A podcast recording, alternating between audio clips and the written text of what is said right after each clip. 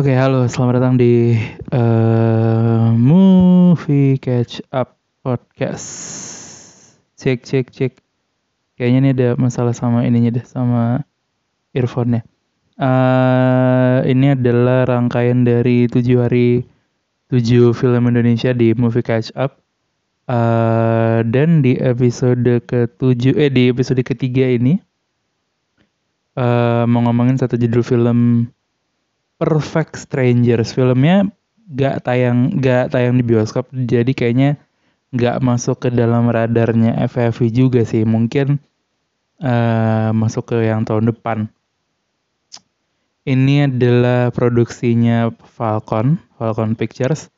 Uh, jadi waktu itu kan sebetulnya Falcon ngumumin ada beberapa project mereka yang uh, mereka remake dari film luar kan. Salah satunya Miracle, lalu ada, ada Hello Ghost, ada Perfect Stranger, selalu ada kayaknya menyusul akan ada uh, apa namanya tuh? Akan ada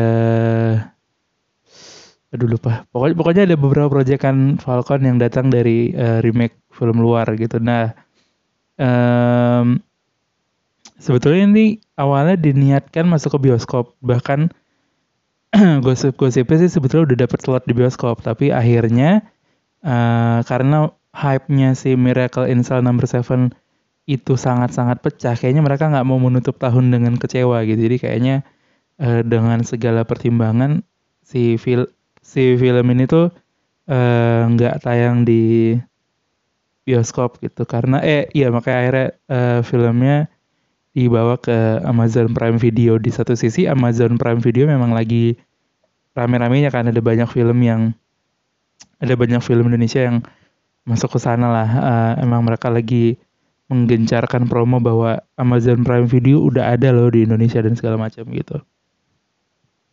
Filmnya masuk Prime Video itu baru ya bisa dibilang kayak mungkin semingguan yang lalu. Ini direkam tanggal 26 by the way. 26 Oktober jadi uh, dan menarik sebetulnya justru aku ketika nonton itu justru uh, sempat bingung gitu kenapa filmnya nggak nggak tayang di bioskop ya padahal secara cast tuh bisa sekali untuk mengundang keramaian gitu. Aku coba sebutin beberapa castnya. Uh, Vino G. Bastian, lalu ada Denis Sumargo, ada Jessica Mila, ada Clara Bernadette, ada Darius, ada Nadine Alexandra. Ini cast-cast yang uh, ada Adipati juga gitu. Ini cast yang bisa dibilang uh, kelas A semua lah. Sebetulnya nggak tahu ya mereka untung atau enggak dengan ngejual film ini ke Falcon. Nggak ngerti juga eh ke Prime Video. Nggak ngerti juga sih. Uh, filmnya kalau kata yang nonton versi aslinya, ini kan versi aslinya dari film Italia nih. Kalau yang nonton versi aslinya katanya sebetulnya mirip sih. Um, jadi bercerita tentang uh, tujuh orang sahabat gitu ya, mereka tergabung dalam sebuah geng. Bukan geng lah ya. Ya, ya pokoknya sahabat gitu, kelompok. Uh, mereka mengadakan makan malam. Makan malam makan malam ini diadakan oleh um, Rico dan Eva mereka baru punya apartemen baru jadi kayak ngundang teman-temannya untuk makan malam. Di makan malam itu uh, tiba-tiba muncullah ide buruk dan cemerlang. Itu idenya Eva dia bilang gitu kayak gimana kalau selama makan malam ini uh, semua telepon SMS email apa pun yang masuk ke HP kita nih ke HP mereka bertuju itu dibuka gitu. Jadi kayak SMS dibaca untuk umum kalau telepon di loudspeaker kalau email ya dibaca gitu. Um, terus dari situ filmnya ber, berjalan dan uh, ya sisanya spoiler sih sebetulnya. Jadi sayangnya aku cuma bisa kasih sinopsis sampai situ. Uh, di Iya oke, okay, kita, kita masuk ke reviewnya reviewnya uh, secara karakter pemain-pemainnya menurutku menarik sih. Uh, kelas A semua, tapi bisa dibilang semua porsinya menyenangkan. Eh, nggak uh, ada yang berasa lebih lebih uh, menonjol daripada yang lain gitu. Selain uh, Vino Gebastian, Vino Gebastian sebetulnya bukan bukan yang kayak terlalu gimana ya memang kayaknya diplot sebagai karakter utama karena dari awal kita ngikutin Vino tuh di awal film kita ngikutin sudut pandangnya Vino. Tapi sebetulnya Vino Gebastian di film ini tuh jadi jauh lebih bikin uh, kita fokus ke dia terus karena penampilannya. Karena di sini Vino digambarkan sebagai orang yang uh, gemuk gitu. Jadi kayak badannya tuh kayak disumpel-sumpel lah diapain lah gitu. Kayak terasa sekali dibuat-buatnya sih sayangnya gitu. Uh, actingnya bagus-bagus semua. Nggak ada yang fail menurutku dan uh, ini masuk ke karakter atau ke plot ada satu yang mungkin bisa jadi diapresiasi juga adalah banyak sekali dialog-dialog berlapis. Banyak sekali eh, dialog-dialog berlayer yang kayak ini tuh menunjukkan dua sih skripnya ditulis dengan baik gitu ya uh, sama Mas Alim Sudio uh, yang nulis skrip di filmnya dan um, eksekusi dari sutradaranya Mas Rako Prianto kalau nggak salah itu uh, juga bagus gitu ya maksudnya uh, setiap dialog-dialognya itu dieksekusi dengan bagus dan menggambarkan juga bahwa memang tiap karakter itu um, tiap aktor itu bisa deliver tiap line itu dengan menarik gitu dengan dengan oke okay, gitu. Karena walaupun dialognya banyak yang berlapis-lapis banyak yang tumpang tindih dan lain-lain tuh tetap berasa nyaman didengarkan gitu. Jadi kayak justru justru menambah keakraban antar karakter gitu kayak nggak bikin kita kayak berasa berjarak mereka saling nunggu dan lain-lain enggak gitu. Cuman ini aku agak ragu ya. Kayaknya beberapa dialog itu ada yang di dubbing ya kayaknya ya kalau nggak salah. Cuman ya aku nggak bisa mastiin juga tapi um, ketika nonton sih uh, tadi gitu dialog berlapis itu tuh jadi poin yang menarik yang bikin aku masih mau tetap ngedengerin tiap obrolan mereka gitu. Uh, ini itu tadi ya jadi secara, itu udah gabungan sih tapi kurang lebih gitu jadi secara karakter semuanya deliver dengan baik oke okay, gitu um, ini kan cerita kurang lebih ngobrolin orang-orang di kelas A lah ya gitu. Tapi uh, digambarkan dengan baik nggak berasa cringe. Kadang kan ketika kita masuk ke kelas atas tuh kayak dibikin-bikin jadi terlalu anggun lah apalah ini enggak gitu. Uh, bagus sih. Uh, terus kalau ngomongin soal plotnya banyak sekali plot twist. Uh, aku nggak bisa bilang sih nanti mungkin di sesi spoiler tapi banyak sekali plot twist yang mungkin kadang-kadang kita kan nonton film kalau terlalu banyak plot twistnya kan males ya kayak iya ngapain gitu capek. Cuman di film ini bisa dibilang plot twistnya itu tuh plot twist kecil-kecil yang kita tuh bikin kita jadi justru makin makin ngikutin setiap plotnya gitu. Karena uh,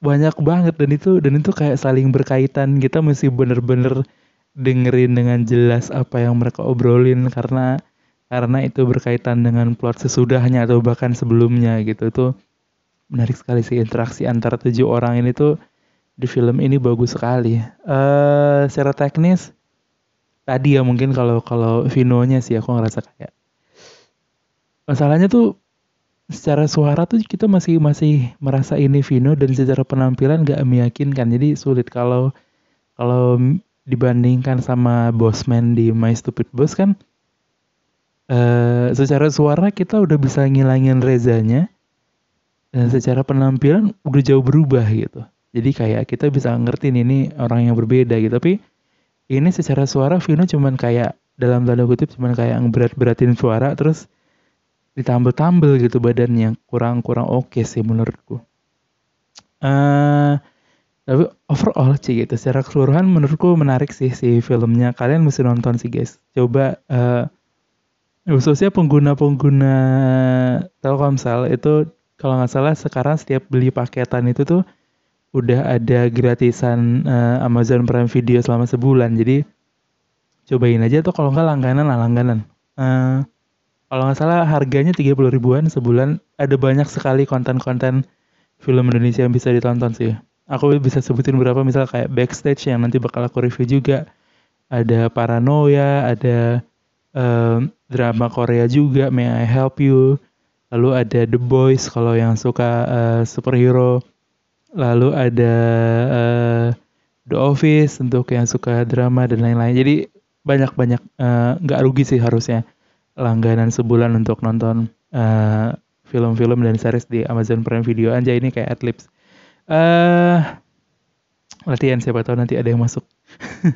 uh, itu sih jadi secara keseluruhan bagus filmnya.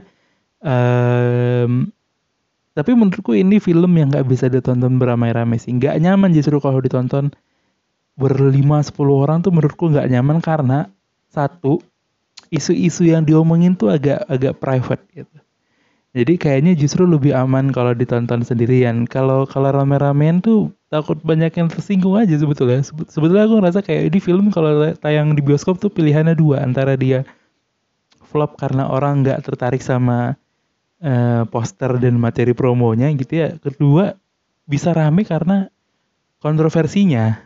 Aku kasih clue aja sedikit ya karena film ini sedikit banyak ngomongin uh, dari seluruh keseluruhan porsi cerita ada mungkin 10 sampai 15% yang ngomongin soal LGBT. Jadi siap-siap aja kalau mau nonton siap-siap aja, oke. Okay? Uh, jadi tuh kalau pada mau nonton bisa tonton di Amazon Prime Video. Kita masuk ke sesi non spoiler di sesi berikutnya. Ini ada ini dulu. Nah, itu udah ada tuh. Kita minum dulu tipis. Oke. Okay uh, non spoiler. Kita masuk ke adegan favorit kita dulu kali ya. Jadi uh, adegan favoritku itu adalah adegan di mana itu tipis sih. Itu salah satu adegan favoritku adalah di mana adegan di mana um, Nadine Alexandra itu kan uh, Eva kan dari awal sampai pertengahan itu kan berasa kayak seakan-akan gak punya masalah gitu ya tapi ketika Eva tahu bahwa Denny Sumargo dan Denny Sumargo siapa ya? Tahu bahwa um, siapa sih namanya bukan Rico, aduh. Aduh, siapa ya namanya ya? Aduh, sorry, sorry, sorry. Kita masih lihat sih. Sorry, sorry, sorry, sorry. Ntar, sabar, sabar. Sekalian deh aku coba Recall lagi beberapa nama karakternya sabar. Wait, wait, wait, wait, wait, wait, wait, wait, sinyal. Oke. Ada Tomo, Vino Bastian sebagai Tomo. Lalu ada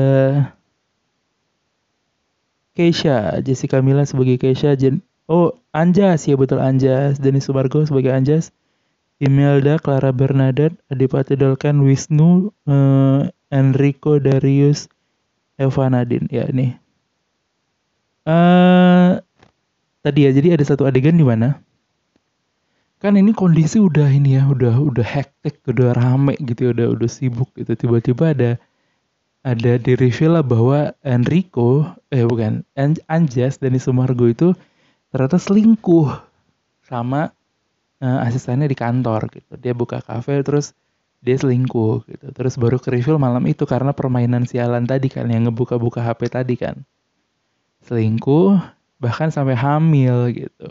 Terus uh, di adegan sebelumnya ada penjelasan bahwa uh, reveal juga bahwa bosnya Denny Sumargo itu tuh ngasih dia dua hadiah cincin dan anting. Uh, tapi istrinya Jessica Mila, Keisha itu cuman pakai cincin, antingnya dia nggak pakai gitu. Terus uh, si begitu selesai teleponan itu tuh dan di Subargo ditanya kalungnya eh anti antingnya mana? Kamu kenapa gak kasih ke aku? Gitu. Terus kayak kamu tahu kan aku nggak bisa pakai anting dari kecil? Gitu. Terus kayak um, masih masih lagi hektik hektiknya tiba-tiba ada telepon dari asistennya gitu. Asistennya kan nggak tahu kejadian kan bahwa mereka mau uh, ngebuka HP dan lain-lain gitu. Ada telepon terus asistennya bilang bahwa dia hamil uh, pecah lah Keisha marah kan? Keisha Jessica Mila marah Jessica lari ke kamar mandi. Terus Anjas ngejar-ngejar gitu kan? Anjas ngejar ke depan pintu kamar mandi gitu ngetok-ngetok. Terus uh, si Evanya ya yang dari tadi seakan-akan paling bener gitu ngejar ngejar uh, Anjas ke pojok kamar mandi eh ke depan pintu kamar mandi terus dia tarik uh, si Anjas masuk ke kayak kamar gitu. Terus dia nampar Anjas nampar cukup dia lepas antingnya. Dia lempar antingnya. Terus dia bilang najis ya terus dia keluar. Kan sialan ya maksudnya adegan sesingkat itu loh. Adegan bahwa untuk nge-reveal bahwa emang si Anjas ini sialan karena dia punya istri dia masih selingkuh sama uh, asistennya dia selingkuh juga sama temennya sendiri si um, Eva gitu. Terus adegan itu di reveal hanya dengan itu tanpa ada penjelasan lanjutan. Itu salah satu adegan yang favorit sih. Karena adegan itu ngebawa ngebawa uh, tensinya jadi makin tinggi lagi. Uh, adegan favorit kedua itu adalah adegan um, ini sih. Apa namanya tuh? Uh, yang di ketika Tomo masuk. Tomo masuk jadi kan Tomo uh, Vino Gebesian kan satu-satunya yang belum nikah nih. Terus dia masuk terakhir dia datang terakhir ke acara itu gitu. Jadi orang-orang udah pada ngumpul udah pada ngomongin dia ngomongin Tomo dengan pacar barunya gitu. Terus uh, Tomo masuk. To, to, Tomo datang terakhir gitu kan. Terus uh, terlihat sekali adegan di mana Tomo masuk dan mereka sambut dan dia mencairkan suasana itu tuh terasa bagus sekali. Aku aku sih yakin itu scene diambil dengan sulit karena ada tujuh karakter bayangin tujuh tujuh karakter mesti terlihat dengan jelas masing-masing ekspresinya apa yang mereka omongin dan lain-lain. Itu salah satu uh, adegan favorit juga sih. Dan banyak adegan-adegan favorit lainnya karena memang filmnya uh, banyak sekali adegan sih. Oh ini sih ini adegan puncak adegan di mana uh, permainannya masih berlanjut terus eh, tiba-tiba jadi kan Enrico sama Eva kan udah punya anak kan satu anak namanya Bella. Uh, Bella uh, ini ya anak remaja 18 tahunan yang bandel-bandel khas ibu kota gitu lah kan terus uh, lagi makan malam itu tuh lagi mereka bercanda pakai handphone handphone itu tiba-tiba ada telepon dari anaknya anaknya Enrico dan Eva gitu. Nelpon Uh, tapi nelponnya ke teleponnya Enrico tapi kan di loudspeaker gitu kan. Terus kayak um, anaknya nanya gitu pak uh, pacar aku ngajak aku ke rumahnya ngajak aku nginap di rumahnya um, karena orang tuanya pergi dia takut sendirian gitu. Terus kayak aduh itu adegan di mana kemudian Enrico gitu ya Darius menerima itu dan dia mesti mengkontrol semuanya gitu mengontrol emosinya mengontrol emosi Bella karena kalau dia marah-marah takutnya justru Bella jadi nggak mau cerita lagi atau justru malah jadi kabur dari dia gitu kan. Terus uh, adegan di mana dia menjelaskan bahwa um, having sex itu adalah hal yang nggak akan kamu lupakan uh, seumur hidup kamu gitu hal, hal uh, having sex pertama kali itu adalah hal yang gak akan mungkin kamu lupakan seumur hidup kamu. Jadi kamu mesti pastiin dulu bahwa orang yang kamu pilih itu tepat dan uh, supaya kamu nggak menyesal seumur hidup kamu gitu. Terus kayak semua temen-temennya ngeliatin dia ngomong itu tuh kayak adegan itu salah satu adegan yang paling wah di, di antara semua adegan yang bikin hektik, bikin pusing dengan kerumitannya tiba-tiba ada adegan itu bikin anjir itu itu kualitas aktingnya Mas Darius aja Mas Darius. Itu bagus sih. Oke sih itu adegan itu. Terus um, tatap-tatapan dia selama ngomong sama uh, istrinya itu menarik sekali sih. Ah banyak adegan favoritnya sebetulnya aku berharap bisa nonton film ini mungkin di layar lebar gitu kali ya. Tapi sayangnya cuma bisa ditonton di Amazon Prime Video. Uh, ngomongin ini deh kan. Jadi ini menurutku teorinya menarik aku nggak tahu di film aslinya begini atau enggak ya tapi um, ceritanya kan malam itu baru ini non spoiler eh spoiler ya jadi sorry sorry nih. Ceritanya kan malam itu uh, mereka ini kan maksudnya uh, mereka makan malam di hari gerhana bulan sepenuh gitu. Jadi uh, dan dari awal film itu udah di udah di intro tuh bahwa uh, ini malam ini adalah malam gerhana bulan dan ada mitos yang menyatakan bahwa setiap gerhana bulan setiap orang itu tuh berubah uh, kebiasaannya. Yang dari tadinya uh, biasa saja harinya tiba-tiba jadi berasa kayak lebih emosian lebih temperamental dan lain-lain gitu. Dan eh, premis itu premis bahwa gerhana bulan bisa merubah manusia gitu itu tuh ditarik terus ke pertengahan film sampai ending film. Tapi aku nggak ngerti itu konteksnya gimana ya untuk untuk si filmnya. Kayaknya mesti nonton dua atau tiga kali supaya dapetin detail itu sih. Um, yang menarik kan justru ternyata di ending di ending ketika mereka selesai itu uh, udah udah ricuh gitu ya udah udah klimaksnya tiba-tiba di ending. Uh, ada adegan ini kan ada adegan mereka pulang dari apartemen itu dengan kondisi masing-masing bahagia-bahagia aja gitu. Terus kayak penonton bingung dong loh kok tadi kayaknya di dalam udah pada ribut-ribut kok pas di ending adegannya malah jadi kayak normal gitu. Terus uh, ternyata kalau dari sudut pandang penonton sih berasanya bahwa semua yang terjadi semua kehebohan yang terjadi itu karena ide dari Eva untuk main handphone uh, dibuka malam itu aja tuh ternyata hanya what if gitu, what if semata gitu. Kalau itu terjadi, kalau itu dilakukan, semua kerusuhan akan terjadi gitu. Terus um, ya di ending itu adalah ending sebenarnya di mana mereka uh, Enrico itu ketika istrinya nawarin main game itu Enrico nolak gitu. Uh, terus aku jadi baru sadar judulnya gitu Perfect Strangers ini nunjukin bahwa gak ada guys sesudah mereka pertemanan tujuh orang itu tuh semuanya penuh kepalsuan dan dan gak ada yang benar-benar bersahabat di antara mereka karena masing-masing megang rahasia satu sama lain masing-masing punya dendam masing-masing punya keirian dan mereka the real perfect strangers gitu di saat malam itu mereka seakan-akan si paling sahabatan dah gitu.